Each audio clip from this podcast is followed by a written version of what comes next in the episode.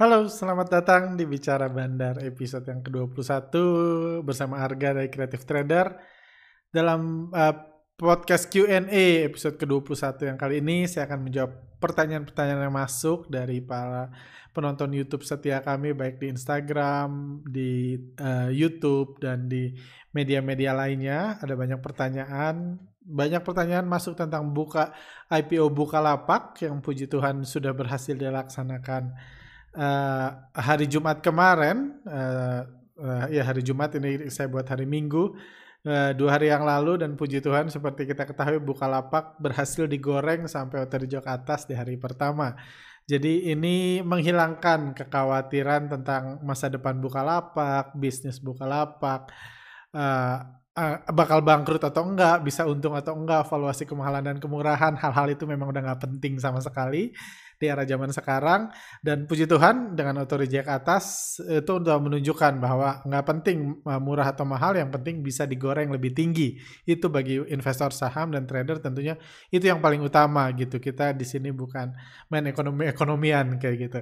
Uh, hal lain juga tentunya pertanyaan terbesar di Bukalapak adalah kira-kira bakal di auto atas berapa kali nih? Bagi teman-teman yang udah beli gitu kira-kira auto reject atasnya berapa kali Apakah sekali kah, apakah dua kali, atau apakah 12 kali, eh 9 kali sampai disuspend ke DCI dan lain-lain. Kira-kira bandar mau arahin berapa kali? Itu pertanyaan yang coba akan saya jawab kayak gitu. Dan juga ada banyak pertanyaan masuk lainnya. Yang masuk uh, ya tentang uh, apa uh, rantai makanan yang yang banyak banget dibahas di uh, yang saya bahas keceplosan di podcast sebelumnya jadi banyak banget yang bertanya tentang statement keep them stupid gitu di mana para edukator itu salah satu fungsinya itu membuat para investor retail tetap bodoh supaya bisa jadi supaya demi kesehatan bursa supaya para pelaku pasar, para konglomerat semakin aktif mencetak saham di bursa saham. Karena mereka sudah dapat uh, target marketnya sudah ada. Kayak gitu dan ada pertanyaan tentang bandarmologi, tentang BCA, stock split, dan lain-lain. Oke, mari kita mulai.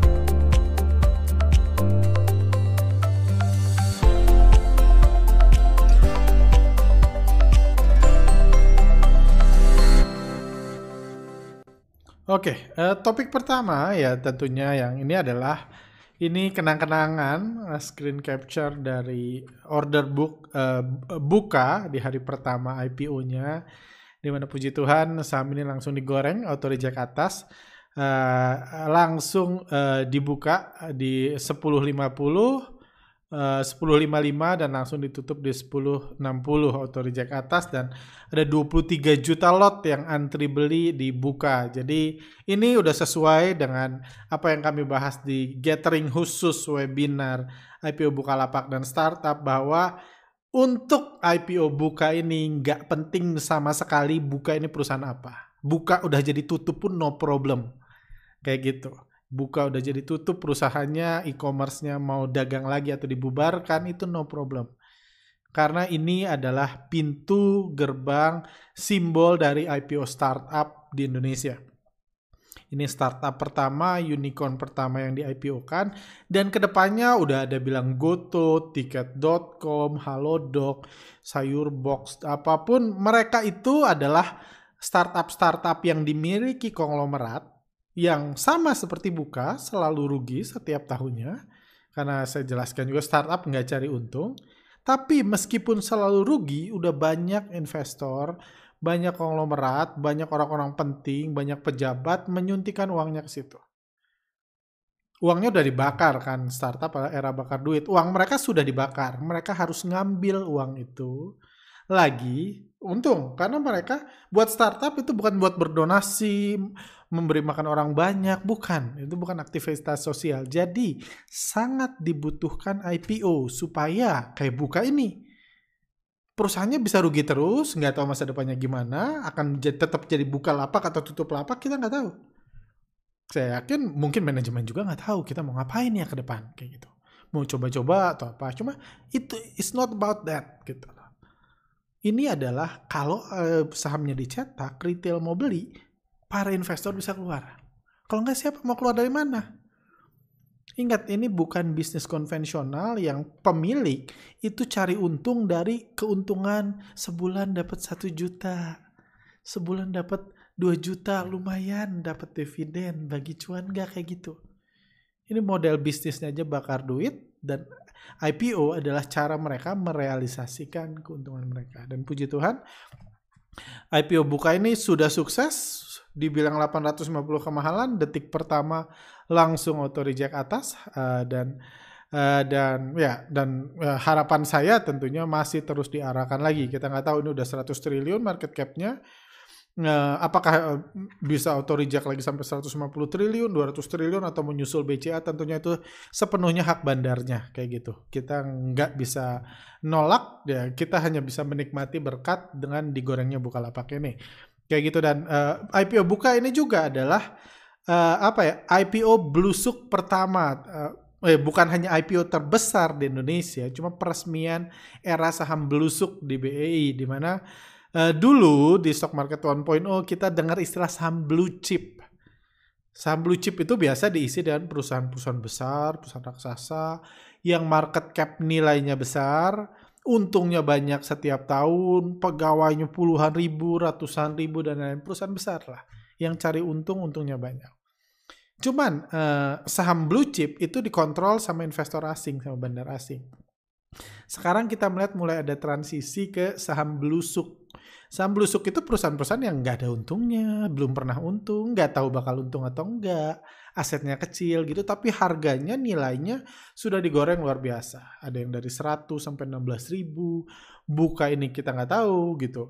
Eh, nggak tahu juga apa nilai aslinya perusahaan ini, tapi harganya udah 100 triliun, bukan mustahil dinaikkan sampai 150, 200 triliun Eh, terserah bandarnya kayak gitu. Jadi dan ini uh, menurut kami ini adalah apa ya langkah penting untuk jadi saham blusuk ini jadi pilar buat IHSG.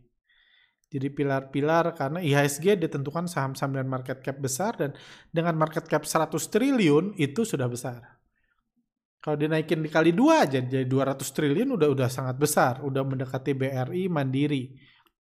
Ya, uh, udah eh, mendekati BRI Mandiri. Kalau 600 triliun itu udah jadi perusahaan terbesar di Indonesia. Nggak perlu untung. Yang penting jangan bangkrut aja. Dan puji Tuhan dari IPO buka dia dapat 22 triliun untuk mempertahankan mereka at least 5 tahun pertama jangan bangkrut nih perusahaan. Di freeze nggak apa-apa, dibekukan gitu, tapi jangan bangkrut supaya sahamnya bisa digoreng-goreng terus. Jadi ini ini era yang sangat menarik di stock market 2.0 di mana sudah uh, ini udah kunci sukses, mudah-mudahan disusul dengan startup-startup lainnya kan ada ratusan startup baik yang bagus ataupun yang yang busuk gitu yang yang kalah bersaing yang perlu sahamnya dicetak di bursa kita supaya bisa dijual supaya investor yang sudah nyuntik bisa keluar. Jadi ada kita memasuki era yang sangat exciting di masa yang akan datang di mana uh, kita udah lihat trennya setahun terakhir saham-saham dengan return besar, profit besar itu udah orang udah mulai tutup mata dari perusahaan itu fokusnya yang selalu rugi, konsisten rugi dan lain-lain karena bandar somehow lebih suka ngegoreng saham itu. Kayak gitu. Ini juga Nah, ini uh, ini yang menarik yang tentunya ini udah saya kirim ke teman saya yang ini startup. Dia bilang naik 24,71 persen. Ahmad Zaki tambah kekayaan 980 miliar dalam 5 detik pertama IPO Bukalapak. Dan ada komen-komen ini kami post di Instagram. Dia jualan 10 tahun di Bukalapak aja masih rugi terus. Ini jualan saham cuma 5 detik langsung cuan 1 T. Bisnis saham emang nggak ada obatnya. Jadi ya ini ini edukasi yang baik buat para startup, para konglomerat yang sudah sadar bahwa sekarang fundamental udah nggak penting, fundamental perusahaan yang penting dicetak dan digoreng aja sahamnya. Jadi ya contohnya ini Bukalapak 10 tahun dia masih rugi terus, mungkin 10 tahun ke depan juga tetap rugi terus, tapi itu bisnis Bukalapak bisnis Bukalapak kan sekarang udah perusahaan TBK, perusahaan publik, publik yang ngurus manajemen. Yang penting kan ownernya, investornya kayaknya dan ini hanya 5 detik aja udah untung satu triliun. Jadi ini ini satu era yang sangat menarik dan menurut saya ini membuka mata akan semakin banyak membuka mata konglomerat untuk fokus di bisnis kuliner. Apalagi kondisi di luar sana lagi susah gitu sektor real. Ini ada juga banyak uh, ini ini yang menarik. Uh, habis ini klub sepak bola di Indonesia serbu BEI bang. Wah ini syukur juga karena ya ini uh, saya tambahkan klub sepak bola itu juga selalu rugi. Bahkan kalau kita dengar kalian suka bola Barcelona baru rugi besar dan lain-lain. Jadi memang sudah waktunya mereka masuk bisnis kuliner. Kalau memang bisnis intinya nggak bisa untung kayak startup gitu ya masuk bisnis kuliner jual sahamnya karena mereka banyak pencintanya dan lain-lain kayak gitu. Jadi ini satu era baru kayak gitu. Klub sepak bola siapa tahu kalau kalau ownernya udah kaya gitu karena bisnis kuliner, klub sepak bolanya bisa dipertahankan terus untuk berjalan karena ada kepentingan untuk bisa jualan sahamnya kayak gitu. Jadi ada banyak poin menarik di, di sini. Oke, ada saya masuk ke pertanyaan-pertanyaan. Kalau opini saya, Uh, pengunduran penutupan broker summary dilakukan untuk menjaga situasi kondusif menjelang IPO IPO unicorn sebagai upaya penyelamatan IHSG. Ya, ya ini opini aja sih. Mungkin ada benernya, mungkin ada enggaknya juga. Karena kalau kita lihat kepentingan bandar ya memang uh, apa ya? Kalau kepentingan bandar memang itu masih pro dan kontra juga gitu. Ada yang setuju, uh, broker summary ditutup di jam market, ada yang nggak setuju karena di satu sisi memang bandar dilindungi, dikasih jaga, dikasih perlindungan hukum untuk mempermainkan harga saham. Uh, cuman di sisi lain, uh, di sisi lain memang apa ya? Itu akan membuat banyak pihak bisa uh, beralih dari retail ke bandar karena hambatannya, kesulitannya itu berkurang kayak gitu. Jadi uh, hal itu yang masih dipertanyakan dan kita lihat sih kayak gitu. Uh, apa ya kubu mana yang menang di antara bandar? Retail nggak dipedulikan di sini.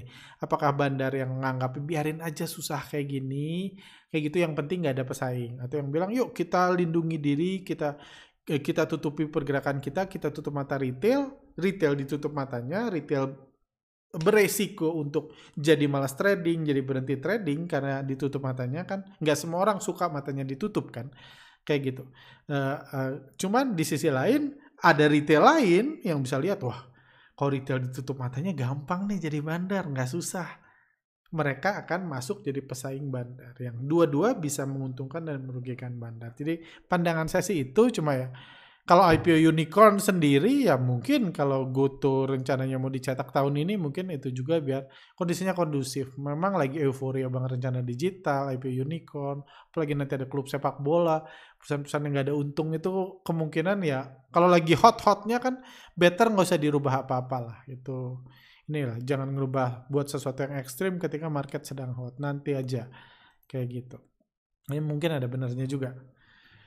Oke, lanjut. Hari ini eh, di uh, uh, Bukalapak dijual asing 280 miliar. Apakah sebaiknya retail yang mendapatkan harga IPO juga ikut melepaskan saham ini pelan-pelan atau hold mengingat animo yang cukup besar? Antrian lebih dari 23 juta lot. Uh, uh, coba pertanyaan. Hmm, apakah animonya ini?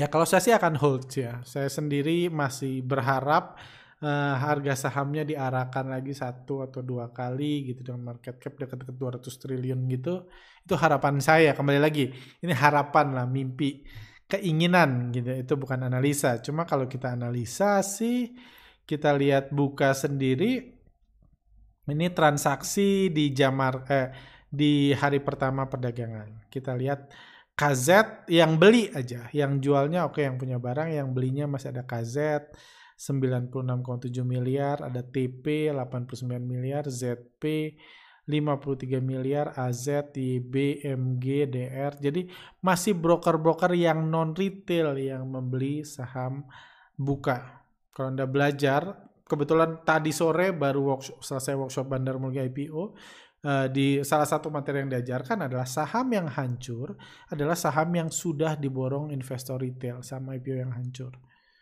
yang bisa ARB berjilid dan lain-lain dan saat detik ini sampai penutupan kemarin buka belum diborong sama investor retail. Jadi saya pribadi masih berharap bisa terjadi satu dua hari lagi. Kok retail mulai besar, mulai beli banyak, mulai kebagian kan eh, kan ya skala prioritas kan gitu. Bandar dikasih dulu yang mau dikasih. Kalau bandar udah nggak mau, beli, berarti bandar mau jualan. Ketika bandar kan retail nggak tahu bandar berhenti mau beli kan retail ngantri aja berharap dapat tiap hari. Ketika retail mulai banyak masuk, di situlah harga biasanya turun. Dan sampai detik ini belum ada tanda-tanda ke situ, jadi ya doa dan harapan kita buka masih bisa terus digoreng. Kayak gitu. Mudah-mudahan pengikut uh, mudah-mudahan ada pengikut value investor yang komen khususnya yang mengidolakan WB penasaran argumennya apa. Oke. Okay. Broker dilarang menjual lalu membeli sahamnya sendiri, pindah saku kiri ke saku belakang. Eh, kenapa ada broker yang masih melakukan seperti Kang EF? Hmm, broker nggak dilarang. Yang saya bahas di podcast sebelumnya adalah broker boleh beli dari yang beli PD, yang jual PD. Bisa kok. Setiap transaksi saham kita lihat PD ada beli, ada jual. Yang nggak boleh yang salah satu itu yang saya bilang kebijakan yang agak menyulitkan bandar itu nggak boleh di satu akun yang sama. Saya Arga, saya punya lima, anggaplah saya punya 10 sekuritas kayak gitu. Saya nggak boleh beli saham saya sendiri pakai sekuritas yang lain. Kayak gitu nggak boleh. Misalnya, jadi eh, saya saya ada dua akun saham IPOT gitu. Misalnya kalau saya pakai akun IPOT, Bukan ipotnya yang nggak boleh. Saya jual, saya beli lagi pakai ipot, jual pakai ipot, beli sama ipot, ipot sama ipot nggak masalah, cuma harga sama harga yang masalah. Kayak gitu. Misalnya saya uh, punya dua akun, tiga akun di Sinarmas gitu. Harga sama harga di Sinarmas juga nggak boleh meskipun brokernya beda. Jadi yang nggak boleh itu SID-nya, bukan brokernya. Brokernya sih bebas. Jadi itu yang salah satu menyulitkan bandar harus punya banyak akun. Oke, lanjut. Jadi kalau Warren Buffett aja sekarang sudah masuk ke bisnis venture capital dan udah duluan beli saham startup sebelum IPO dan ketika perusahaannya masih dalam tahap tahap tahap bakar duit, jadi pas IPO valuasinya ditinggiin dan tinggal profit taking dari retail. Oke, ya memang seperti itu caranya, cara cari untungnya. Jadi jadi sadar sama ini dibodoh-bodohin influencer untuk beli saham. Ternyata retail hanya dijadikan mangsa untuk para konglomerat yang sudah jago di bisnis kuliner. Uh, ya nggak ada pertanyaannya sih di sini ya. Ya memang seperti saya bahas di eh, podcast sebelumnya, Warren Buffett sekarang udah masuk bisnis venture capital. Satu tahun lalu, satu setengah tahun lalu saya udah mengatakan the new value investing adalah beli perusahaan yang dengan pertumbuhan, prospek di harga murah, itu venture capital. Warren Buffett pun udah masuk situ. Bukan uh, ngeliatin laporan keuangan, bukan itu sekarang. Kalau Anda mau beli perusahaan berprospek. Masuk ke venture capital dan Warren Buffett pun sudah masuk situ awal tahun lalu atau awal tahun ini atau akhir tahun lalu Warren Buffett pun udah beli saham di hari IPO-nya. Dulu dia agen, sekarang dia berubah karena dia memang investor hebat, bukan penjual training value investing. Dia beradaptasi, dia melihat peluang, itulah kehebatannya. Makanya dulu 50-60 tahun lalu ketika kita semua belum lahir, Warren Buffett beli saham-saham menarik karena dia lihat peluang. Sekarang dia lihat peluang lain. Karena dunianya berubah. Cuma uh, dia mencari peluang di tengah kondisi yang ada. Itu kehebatan dia di Indonesia Bapak LKH uh, bertransisi dari value investing ke locking homologi. Kayak gitu. Dia pun melihat peluang.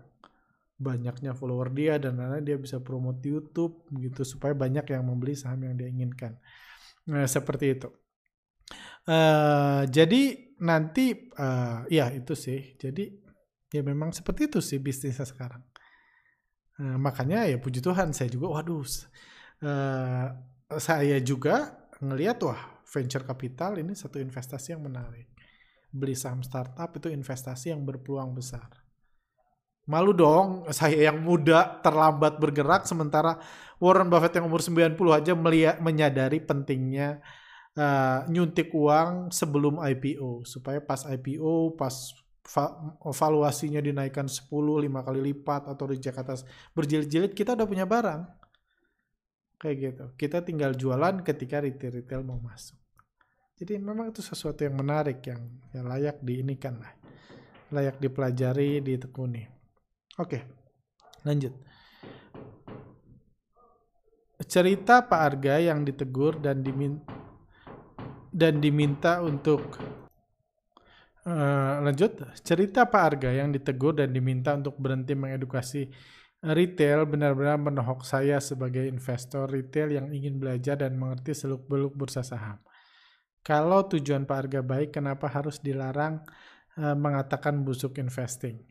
Kalau orang-orang penting di bursa saja meminta Pak Arga untuk keep them stupid, apakah artinya mereka Artinya memang investor retail diajak berinvestasi hanya untuk dijadikan santapan dan keuntungan para bandar. Apakah alasan kenapa sampai detik ini kelas-kelas saham buat pemula masih saja mengajarkan analisa fundamental dan teknikal justru untuk membodohi para newbie to keep them stupid. Aduh. ini banget ini. Uh, apa ya? Pesim pesimis banget ininya apa ya pandangannya. Jadi uh, gimana ya? Nah, saya nggak pernah bilang bahwa yang menegur saya itu orang bursa kayak gitu. Jadi ya saya nggak tahu itu ide dari mana kayak gitu yang dibilang yang menegur saya orang penting di bursa saya nggak pernah bilang itu. Eh, saya memang kelepasan bilang keep them stupid. Uh, ya, ya kembali lagi ya susah sih ngomong kayak gini. Uh,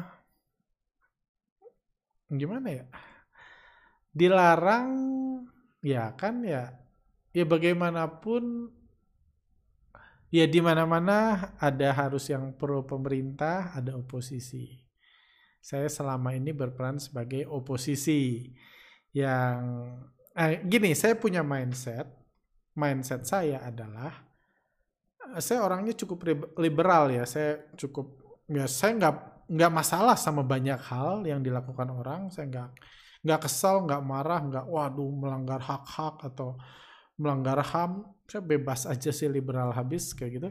Cuma saya beranggapan jadi saya beranggapan misalnya biasalah orang kerjanya nari ular contohnya nggak salah itu bisa menghasilkan oh, keuntungan memberikan penghasilan, anak istrinya bisa jadi jadi makan, jadi sehat, sekolah karena misalnya ibunya penari ular gitu misalnya. Nggak salah, saya nggak lihat penari ular salah.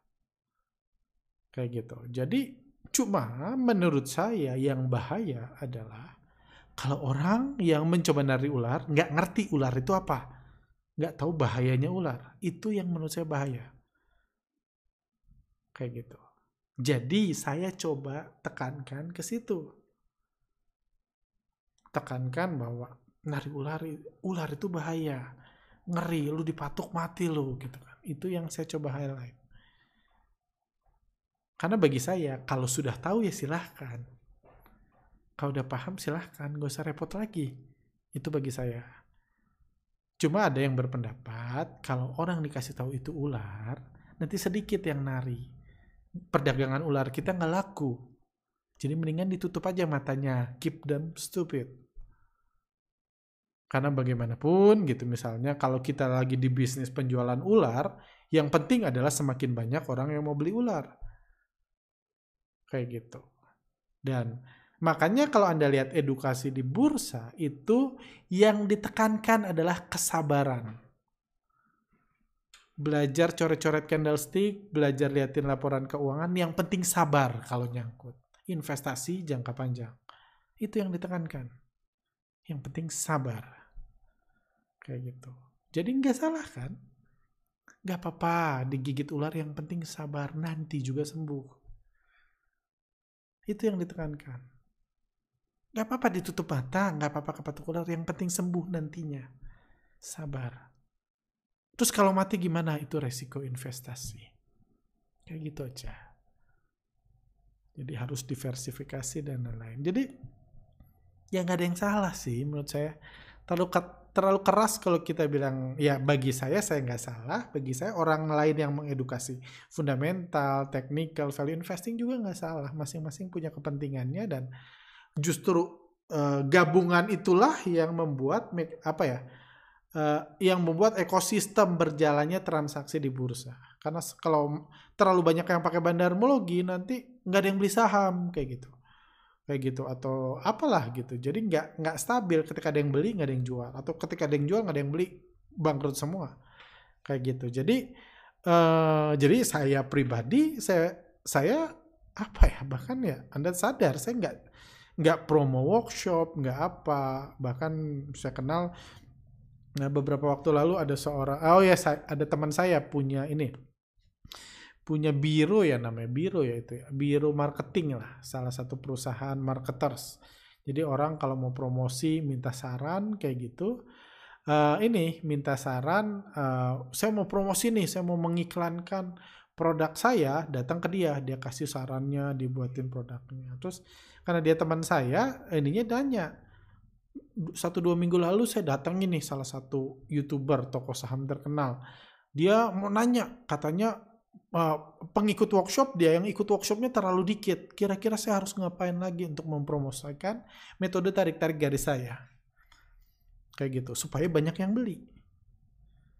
Kayak gitu. Kalau saya nggak mau melakukan itu, karena saya coba jaga ekosistemnya, jadi saya pun ya saya follower dikit, banyak ya happy happy aja. Karena ya biarlah eh, biarlah hanya orang-orang kritis yang pengen tahu yang ini gitu, itu yang ada supaya stabil kayak gitu. Jadi ya, ya itu sih. Sorry terlalu ini kayak gitu. Lanjut.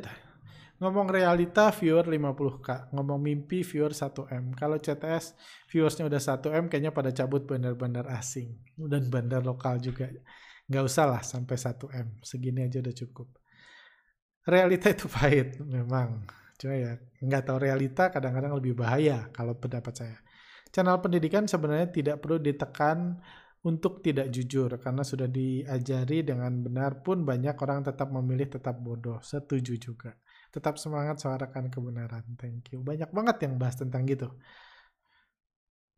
Buat video Pak Arga debat dengan dengan para influencer yang ngajarin value investing dong. Pasti banyak yang nonton. Gak usah lah, kan seperti saya bilang.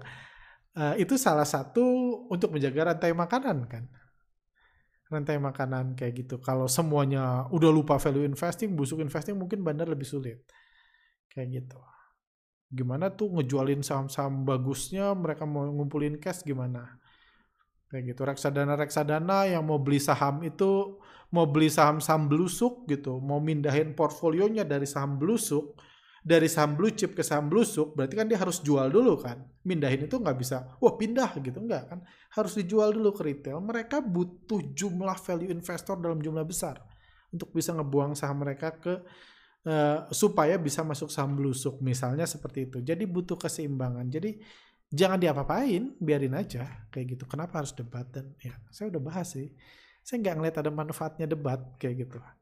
Debat ini adu pintar, adu jago, adu ini wah kalah debat gitu. Memang seru sih kalau kalau source of income-nya itu adalah uh, apa AdSense YouTube dan lain-lain memang seru. Cuma saya nggak tertarik itu semua kayak gitu. Ini iklan uh, YouTube ini ada iklan juga karena dipaksa YouTube. Saya sih nggak tertarik masuk bisnis itu. Jadi nggak tertarik debat juga ya karena saya pengen membiarkan mereka tetap hidup juga anyway. Mau kalah, mau mereka bilang bilang saya takut ya nggak apa-apa gitu, apa apa. Nggak apa, oh, saya takut debat, buat apa kayak gitu karena Wong dia debat, menang debat, kalah debat, nggak buat saya seninnya untung kan. Seninnya untung udah tergantung bandar, nggak tergantung debat saya. Saya bisa bilang BRI bakal turun si value investor atau analis fundamental bilang BRI bakal naik kayak gitu debat semalam suntuk senennya yang mutusin bandar juga mau naikin atau mau turunin bukan saya bukan dia. Jadi nggak ada manfaatnya sama sekali kayak gitu. Dan dan menurut saya apa ya ini terakhir lah ya uh, uh, menurut saya uh, ke depannya value invest oh bukan gini. Hanya, jadi kan value investing, kematian value investing itu disebabkan karena bandar sudah nggak menggunakan lagi analisa fundamental sebagai pertimbangan mereka menggoreng saham. Mungkin dulu, wah ini labanya bagus, wah labanya bagus nih, atau bulan depan labanya bakal bagus, bakal dikasih tahu retail, yuk kita goreng sekarang, bulan depan kita jualan. Dulu seperti itu wah ini labanya 12 triliun, kita goreng yuk gitu. Jadi fundamental kinerja perusahaan dipakai bandar sebagai alasan ngegoreng harga. Itu dulu, sekarang udah enggak. Jadi itu alasan kematian value investing. Tapi jangan salah, hanya karena value investing mati, bukan berarti value investor bakal bangkrut semua, bukan. Karena yang membuat value investor bangkrut, bangkrut semua adalah kalau bandar diwajibkan untuk menghancurkan saham-saham fundamental bagus, valuasi murah. Wah ini valuasinya murah nih, harus ARB terus gitu. Enggak, itu udah melanggar hukum kebebasan bandar. Bandar bebas mau goreng saham valuasi murah, mahal, perusahaan beneran, perusahaan busuk, bandar bebas. Itu yang saya rasa semua setuju. Jadi value investing, value investor mau nunggu ini valuasinya bagus, saya akan nunggu terus kok. Pakai modal kesabaran kan. Kekuatan mereka adalah sabar. Sabar nanti juga akan berubah. Nanti juga akan jatuh di saham-saham busuk, bebas. Hmm, namanya kepercayaan orang hak masing-masing kan. Jadi bukan berarti value investor akan selesai. Ya mereka tetap bisa untung, kita doakan mereka tetap untung. Kayak gitu. Supaya tetap ada tetap ini dan menjaga rantai makanan tadi kan. Kayak gitu. Jadi tetap ada cuma memang karena bandar sudah meng, tidak menggunakan lagi analisa fundamental sebagai pertimbangan menggoreng saham jadi kurang lebih uh, ya analisa-analisa itu lebih ke sekedar hobi gitu saya hobi ngeliatin laporan keuangan perusahaan hobi aja naik nggak enggak walaupun saya liatin tujuh hari tujuh malam nggak jadi naik karena naiknya bukan karena saya liatin laporan keuangan, tapi hobi. Nggak salah dong hobi. Ada orang hobi ngumpulin cacing juga nggak salah. Kenapa ngeliatin laporan keuangan salah? Hobi mikirin ini, mikirin utang orang lain. Kan ada tuh uh, analis-analis yang, wah ini perusahaan gimana ya bayar utangnya gitu. Wah ini debt equity ratio-nya kebesaran. Kayak gitu. Jadi hobi. Hobi mikirin utang orang lain gitu. Padahal yang utang bukan dia yang disuruh bayar bukan dia hobi mikirin utang orang lain. Itu hobi nggak salah. Kayak gitu. Jadi hobi mikirin masa depan perusahaan orang kayak gitu. Dan lain itu hobi nggak salah. Cuma ya tidak sekedar hobi aja. Setelah hobi itu dilakukan sama lagi mudah-mudahan digoreng. Mudah-mudahan digoreng. Mudah-mudahan berhenti ngegoreng saham busuk ngegoreng saham gua. Itu mekanisme pasar itu yang membuat harga bergerak. Jadi asal tahu itu no problem. Nggak ada masalah. Hobi semua boleh. Lanjut. Closingnya seakan-akan mau men-challenge diri sendiri bang. Rasanya rasa-rasanya spirit itu menular kepada saya. Oh good, ini pasti tentang AKR ya.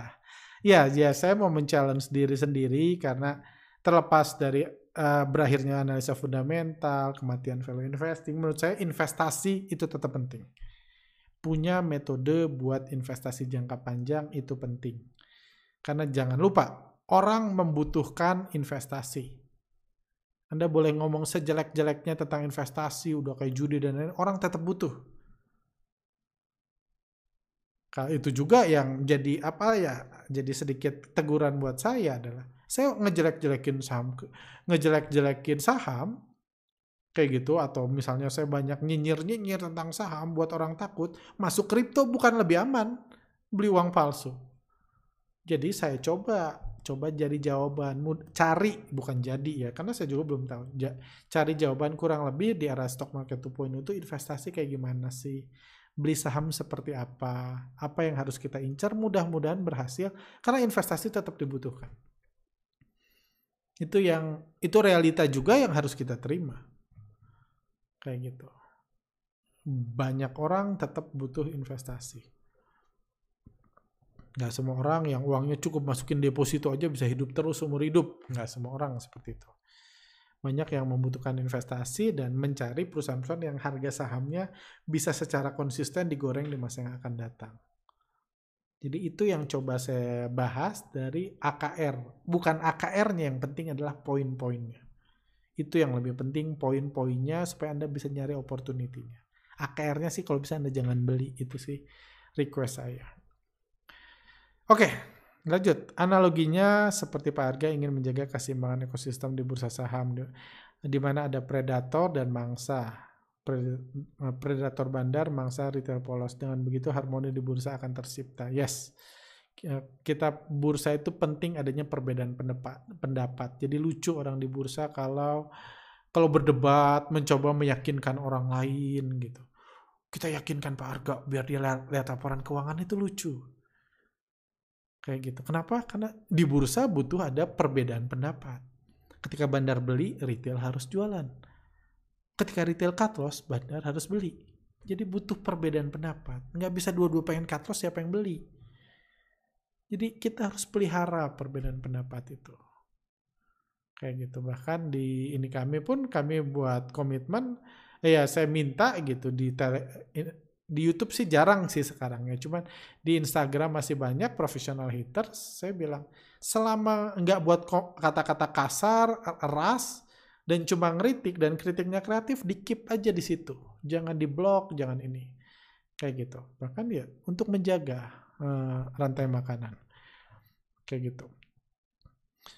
Uh, Pak Arga, kalau kita lihat aksi dari broker-broker yang sering menggunakan bandar, digunakan bandar, contohnya seperti MG yang tradingnya sangat cepat di berbagai saham, apakah memang bandar di balik MG itu ya dari sekuritas itu sendiri melihat kebiasaan sama di berbagai saham yang ada MG-nya?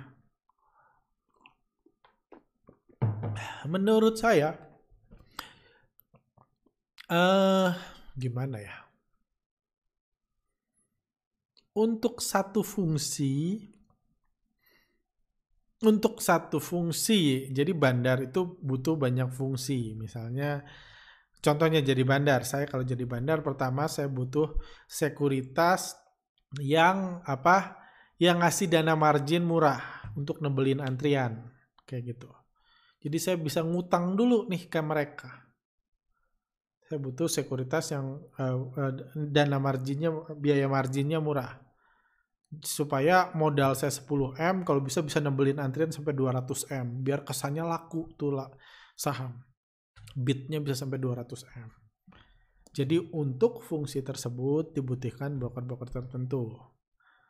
Atau misalnya untuk ngebandarin untuk ngegoreng saham saya butuh 100 akun nomine akun yang saya bisa saya kendalikan dengan mudah tapi buka uh, dengan 100 nama orang berbeda di berbagai penjuru Indonesia, tapi buka akunnya gampang.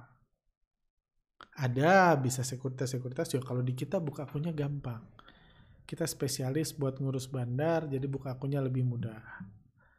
Kayak gitu. Ada akun-akun mungkin yang punya uh, online tradingnya itu dikhususkan buat bandar. Jadi digunakan bukan untuk jadi uh, lebih enak dipakai untuk menggoreng harga, menaik turunkan harga saham. Itu juga dibutuhkan. Jadi ada fungsi-fungsi, ada kelebihan-kelebihan yang ditawarkan sama kayak retail kan. Retail pengen yang online tradingnya paling lengkap, paling bagus, dia pakai satu sekuritas. Yang fee-nya paling murah, dia pakai sekuritas lain yang banyak influencer pom-pomersnya dan uh, kekinian dia pakai sekuritas lain. Jadi ada fungsi-fungsinya. Begitu juga dengan MG. Tapi MG hanyalah sekuritas yang dibaliknya ada bandar saham masing-masing. Kurang lebih gitu sih jawaban saya dari pertanyaan itu. Lanjut. Setelah ngerti kondisi sebenarnya di bursa saham, saya jadi takut invest di bursa saham. Boleh minta saran selain investasi saham, selain saham investasi apa yang lebih kecil resikonya? Satu lagi, kalau boleh tolong jelaskan juga bagaimana proporsi dari pendapatan kebutuhan sehari-hari dan investasi yang ideal. Sama sih jawaban saya, sudah menjawab ini berkali-kali. Jadi investasi bahaya atau tidaknya investasi kalau bagi saya itu dari sangat tergantung dari skill Anda, knowledge Anda, karakter Anda itu yang bahaya bukan sahamnya lah, bukan uang palsunya lah, bukan propertinya lah dan lain. Atau contohnya gini, jadi udah seminggu terakhir ini, seminggu terakhir ini ada ada salah satu apa ya, ya teman kita yang punya tanah cukup besar di daerah Bandung, di tengah Bandung sini, dia ngajak saya sama istri untuk collab collab. Jadi istri saya kan punya rumah kecilku, punya Instagram, Anda bisa follow. Gitu dia, istri saya kan ini arsitek, istri saya arsitek uh, dan diminta desain. Konsepnya adalah rumah kecil yang yang yang kekinian, yang instagramable kayak rumah kami gitu. Rumahnya kecil banget, cuman instagramable, kekinian buat orang bangga, tapi harganya bisa murah dan di tengah kota. Ya masih tengah kota Bandung lah, kurang lebih kayak gitu. Uh, jadi itu yang ini jadi oh ya saya mau ngomong apa? Oh ya jadi kami diajak kayak gitu masih ngobrol-ngobrol belum pasti jadi. Jadi di satu sisi mereka juga ngajak mau invest nggak? Gitu. Yuk kita bangun perumahan baru di Bandung yang nggak jauh dari 10-15 menit dari tengah kota dari gedung sate.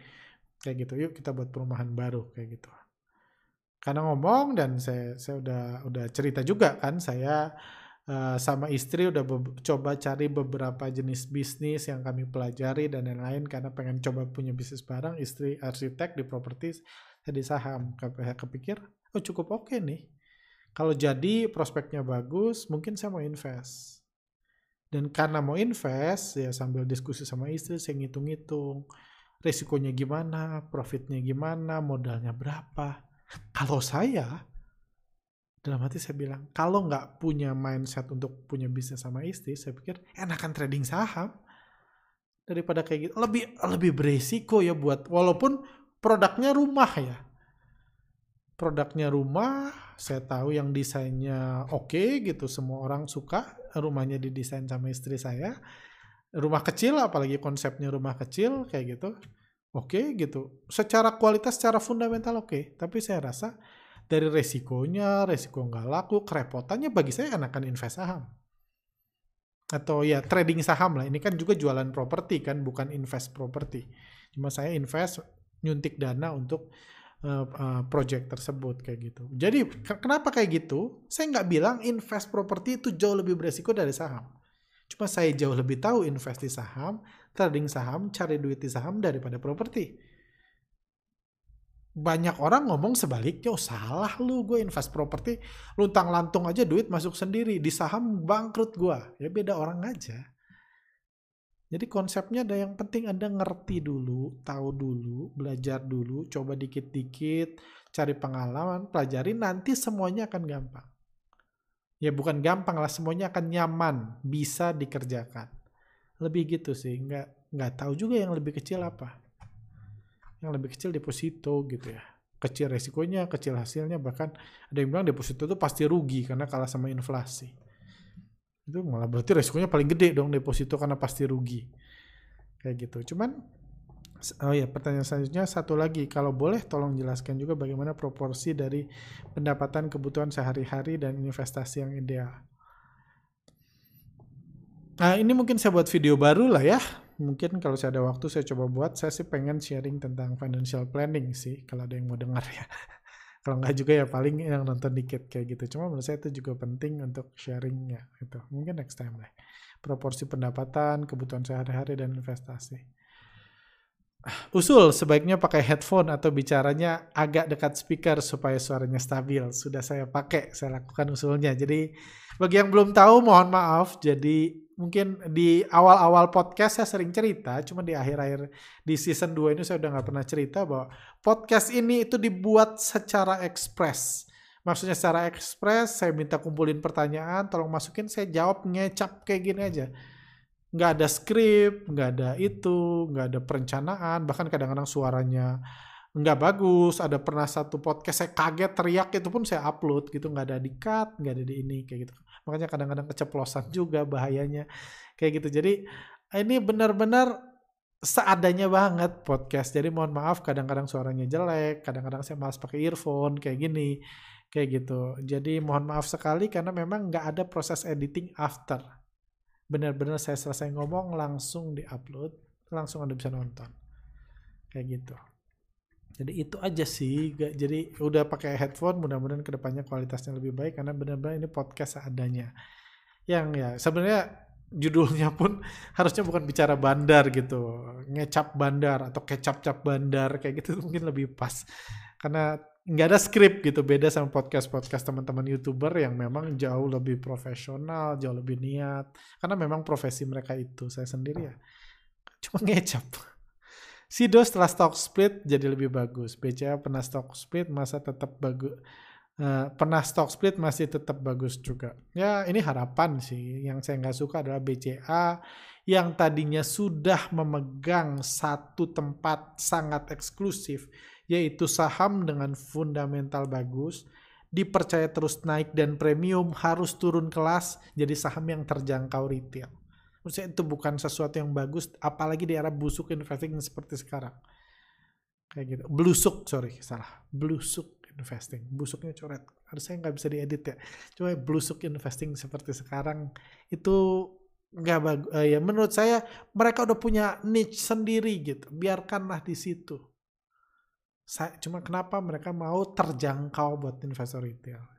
Saya takutnya mereka mau terjangkau seperti investor retail karena ada kepentingan menjangkau investor retail gue udah nggak mau pegang saham BCA, gue mau cashnya retail, jadi BCA-nya dikeluar, diambil. Takut kayak HMSP, Unilever, dan lain. Itu sih kekhawatiran saya, makanya saya nggak suka BCA di stock split. Kalau saya yang mutusin, BCA nggak akan saya stock split, stock split sebagai pemegang saham. Masih nggak suka aja sih. Apakah setelah di stock split bandarnya akan ngeguyur habis-habisan kayak HMSP, Unilever, itu masih harus kita lihat. Pergerakan bandarnya belum kita bisa analisa kan after Cuma karena ada ke arah situ saya nggak suka. Lanjut. Ini kok banyak-banyak pertanyaan. Era baru saham sama dengan era gorengan saham sama dengan era baru perjudian yang dilegalkan. Hmm, ya, ya debatable sih. Ya ini saya, ya saya cuma uh, cerita aja.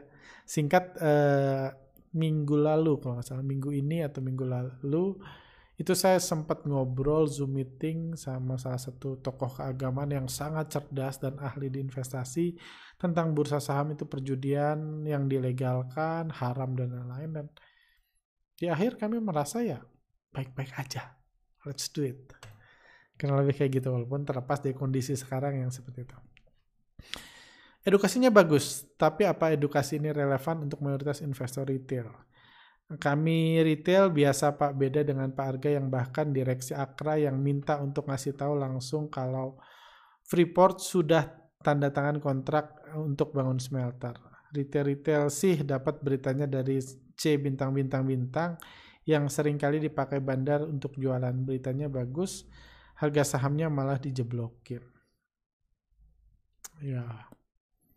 Ya, terus ya ya memang sih direktur Astra yang hubungin saya ngasih tahu smelter uh, udah tanda tangan memang pada saat nelfon memang belum diberitakan di koran gitu di media. Cuman jedanya paling setengah jam satu jam kayak gitu. Dan apa ya?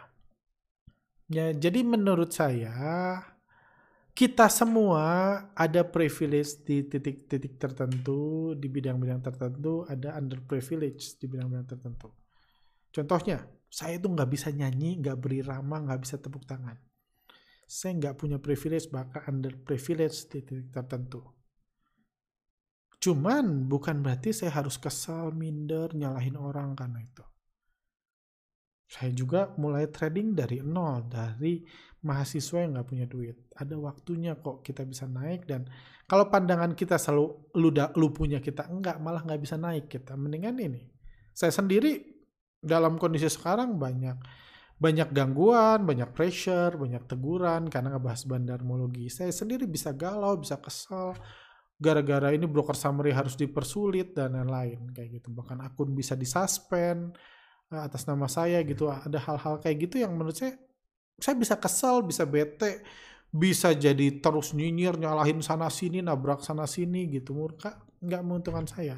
Ini kita belajar beradaptasi di tengah kekurangan yang kita miliki, semua kita punya kekurangan masing-masing, punya resiko, kesulitan masing-masing. Kita dealing supaya step by step kita bisa naik. Doakan saya juga bisa kayak gitu, step by step bisa naik sehingga yang dulu saya nggak punya privilege, selama-lama bisa punya privilege. Saya juga doakan Anda semua seperti itu.